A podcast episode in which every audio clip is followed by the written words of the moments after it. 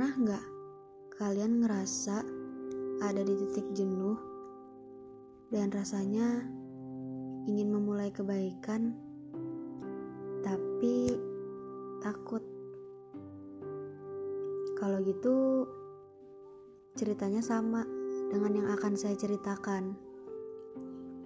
Jadi, suatu hari ada seseorang yang sudah berada di titik jenuh Sampai akhirnya dia memilih untuk memulai suatu hal yang menurutnya baik. Tapi dia bingung. Dia bingung harus mulai dari mana dan harus mulai seperti apa. Sebenarnya dia bukan bingung sih, tapi dia malu. Dia takut akan perkataan orang. Mungkin saat itu niatnya hanya sebatas perkataan teman atau perkataan orang. Padahal sebenarnya kalau mau kita pikir lagi, kenapa harus malu kalau yang akan dia ikutin itu sebuah kebaikan? Bukankah Umar bin Khattab menjadi manusia mulia setelah mendapat ajaran kebaikan? Bukankah Rasulullah menjadi manusia yang paling mulia setelah mendapat ajaran kebaikan juga?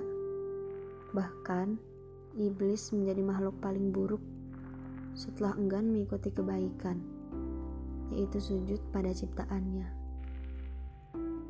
Dan orang itu memilih untuk memulai. Ya, orang itu adalah diri saya sendiri. Dan pada saat itu, kata bismillah merupakan pengawal yang paling tepat untuk memulai. Karena saya pikir, kalau saya menunggu diri saya menjadi sempurna, rasanya nggak akan dimulai-mulai. Karena emang ada ya, zaman sekarang manusia sempurna, terbebas dari kesalahan. Kayaknya nggak ada deh. Dan juga saya takut takut saat saya menghadap nanti, saya nggak bisa jawab apa-apa karena saya nggak punya kebaikan dan nggak bawa kebaikan sedikit pun.